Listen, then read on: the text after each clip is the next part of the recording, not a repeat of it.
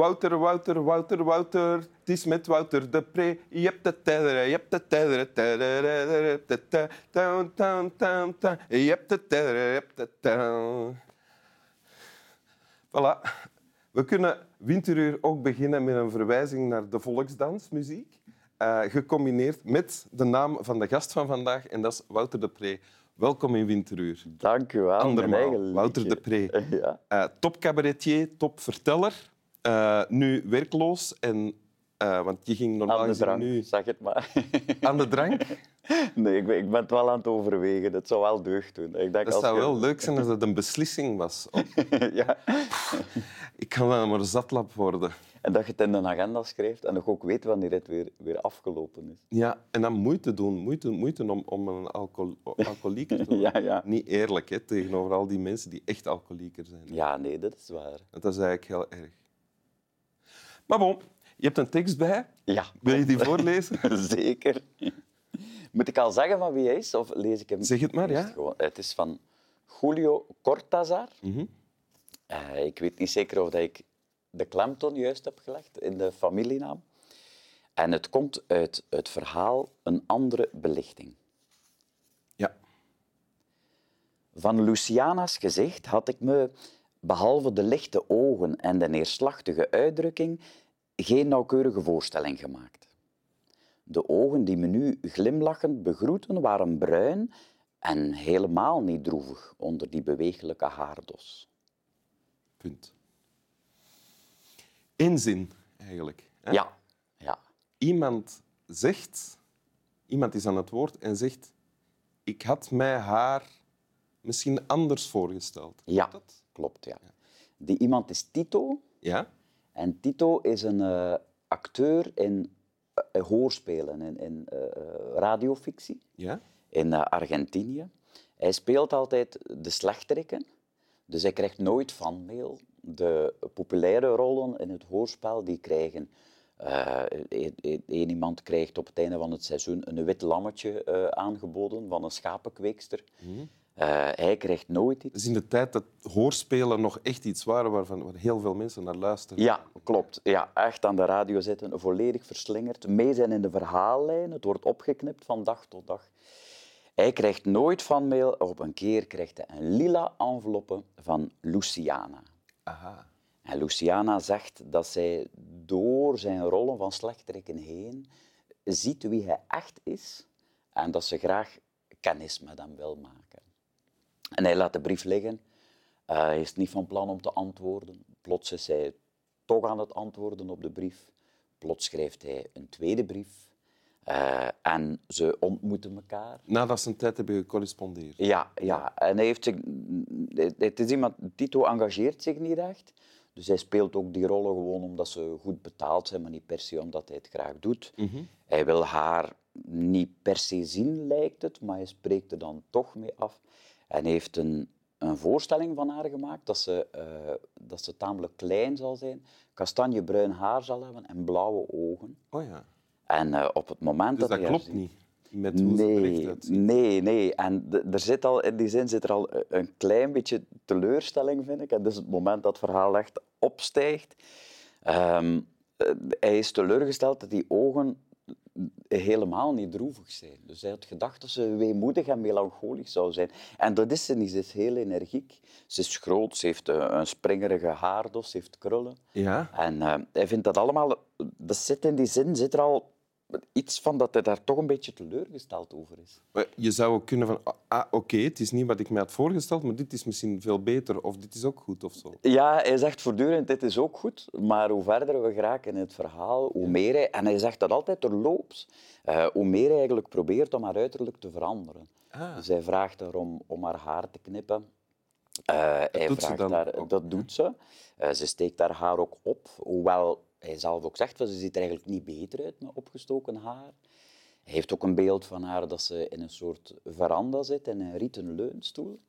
En hij koopt een rieten leunstoel voor haar. Zet die in de veranda en zet haar daarin dan. Ja, ja hij, hij zet een lamp op een andere plek. Eh, eh, hij draait er een, een, een peertje in met lager wattage, dat het mistiger licht is. Dus hij vervormt, hij kneedt haar een beetje naar het beeld van hoe Helemaal. hij eigenlijk ja. liefst zou Ja. hebben dat zij is. Ja, helemaal. Hij kneedt haar helemaal. En op het moment dat ze dat, dat beeld van zij die naar... Hij, hij gaat zelfs de platen eh, ontlenen eh, met, met de hoorspelen, zodat hij kan zien van klopt het nu helemaal? Hij staat van in de hoek van de kamer staat hij te kijken. Of, zij er nu, of dat moment er nu uitziet zoals dat hij had gedacht dat Ja. het in zijn hoofd zou zijn. En op dat moment is hij perfect gelukkig. En hij wil het haar meedelen, maar hij stelt het uit om het haar mee te delen. En, eh, eh, Dus het is gelukt om haar helemaal... ja, hij heeft haar helemaal zo gekregen, behalve dat ze, ze, moet wel, ze moet stilzitten, want ze is, ze is nog iets te groot en te energiek. En anders heeft ze niet die weemoed. Dus ze moet, het is echt maar één moment dat ze Ja, helemaal ja. stil zat. En hij krijgt dan niet meegedeeld dat hij nu eindelijk totaal verliefd is op haar. Omdat ze nu is zoals dat hij had gedacht, eh, zoals dat hij eh, zich haar had voorgesteld. En eh, hij heeft er spijt van dat hij het niet heeft meegedeeld. Nee, hij spreekt dat niet uit. Hij, heeft het niet meegedeeld. En hij zegt op een bepaald moment is het te laat om het mee te delen, want hij heeft een verandering in zijn opnameschema voor het hoorspel. Hij gaat eh, het stadscentrum binnen en hij ziet, eh, hij ziet Luciana buiten komen uit een hotel. En zij heeft haar arm rond een man. Een man die er helemaal uitziet zoals dat zij zich hem had voorgesteld. Oh. Op het moment dat ze elkaar leerden kennen. Dus zij dacht dat, dat hij langer was en dat hij kroeshaar had in plaats van sluikhaar. En dus zij is stiller En die man die zij omarmt, die, heeft wel, die is wel langer. En Die is lang en die heeft kroeshaar. Tragisch, dat verhaal dat je hier zo vrolijk zit te vertellen. Ja, maar, maar niet alleen, want het is ook, ehm, het is ook heel grappig. Zonder, zonder dat duidelijk is dat hij op de grap zit te mikken, ehm, zit, zit er, zitten er heel veel komische elementen in ook. En Vind je dit ook grappig, de, de, het zinnetje dat je hebt gekozen? Want het, het lijkt een eigenlijk onbelangrijk... Allez, of terloops, niet Ja. belangrijk, maar terloops Ja. zinnetje. ja, Ja. hij deelt alles terloops mee. En ik heb dit zinnetje uitgekozen omdat het moment is dat, dat het verhaal begint te ontsporen. ja. En ja, het, En het valt zo- niet op eigenlijk. En het valt niet op. En al die informatie eh, waarin de dingen ontsporen, dat zit allemaal in bijzinnetjes. Dat is allemaal eh, per ongeluk dat dat wordt meegegeven. Of, oh ja, apropos. Eh, en daarin vind ik het zo meesterlijk geschreven. ehm, dat je, je wordt eigenlijk ook... ehm, eh, eh, je wordt, eh, eh, ehm, ja, het komt heel onverwachts binnen daardoor, door, doordat hij het zo meesterlijk heeft geschreven en zo terloops meegeeft. De vraag die ons op de lippen brandt, is nu natuurlijk... Is het jou al gelukt na tien jaar huwelijk, of misschien meer? Ik weet niet precies hoe lang. Vijf jaar huwelijk. Vijf ja. jaar huwelijk, maar je bent al langer samen. Hè? Ja, ja, ja, Om zeker. na al die tijd jouw vrouw te vormen naar het beeld dat jij voor ogen had. Ik ben, er, nog- ik ben er nog aan bezig. Work in progress. Ja, ja, ja, ja. Maar ik vind het een vraag, maar... eh, eh, Je vindt ik- het een vraag.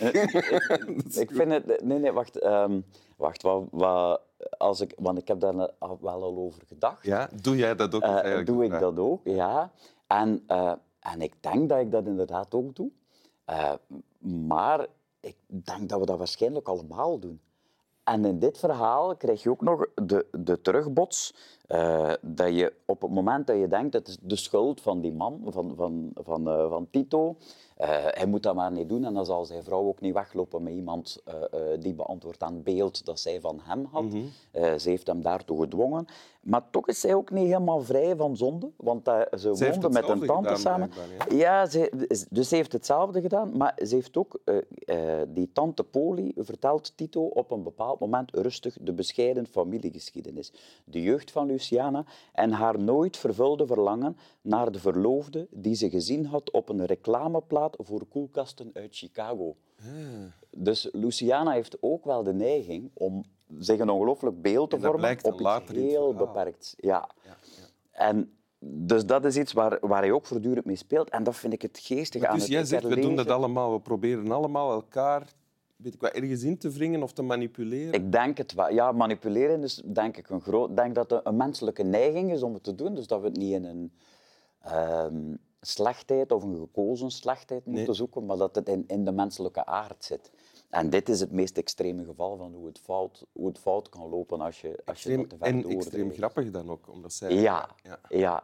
ja. En eh, en je komt op dat eindpunt, zon- zo- je wordt meegesleept naar dat eindpunt zonder dat je het zelf, zonder dat je het zelf doorhebt. En daardoor, ja, daardoor komt het eigenlijk ook veel harder binnen. Ja. Dus als hier een boodschap uit de pure valt, Nee, het is niet met een boodschap, maar eh, oké, ja, zeg maar, sorry. als er een uit de pure valt, dan zou die ongeveer als volgt kunnen klinken. Ehm, we proberen allemaal elkaar te vormen naar hoe wij willen dat de ander is. Ja, En dat is misschien niet zo slim om dat te doen, mhm. eh, maar we doen het allemaal. ja. Ja. Klopt dat? Eh, dat, dat, is, dat, is, dat zit misschien niet in het verhaal, maar dat zijn wel de bijgedachten die ik er ook bij heb. Dus dank u wel om ze te verwoorden. Ja. Ehm, na, nadat ik het heb gelezen. En, eh, maar het, het, het verhaal is niet moralistisch. Dus er zit Nee, nee, niet in van zo, zo moet je leven. Boodschap is een, een stom woord, maar ja. Het is, het is, het Nee, is maar gevallen, ik vergeef het u en ben blij dat je het hebt uitgedrukt, want ik krijg er zelf niet uit, maar het is wel mijn gedachte. Dat is zo'n beetje mijn rol in het leven, wel vaak. ja. Ik zeg aan de mensen wat ze denken. Ja, maar dat doe je keigoed. Dank u. Wil je het nog eens voorlezen? Zeker. Van Luciana's gezicht had ik me, behalve de lichte ogen en de neerslachtige uitdrukking, geen nauwkeurige voorstelling gemaakt. De ogen die me nu glimlachend begroeten waren bruin en helemaal niet droevig onder die bewegelijke haardos. Dank u. Snap wel.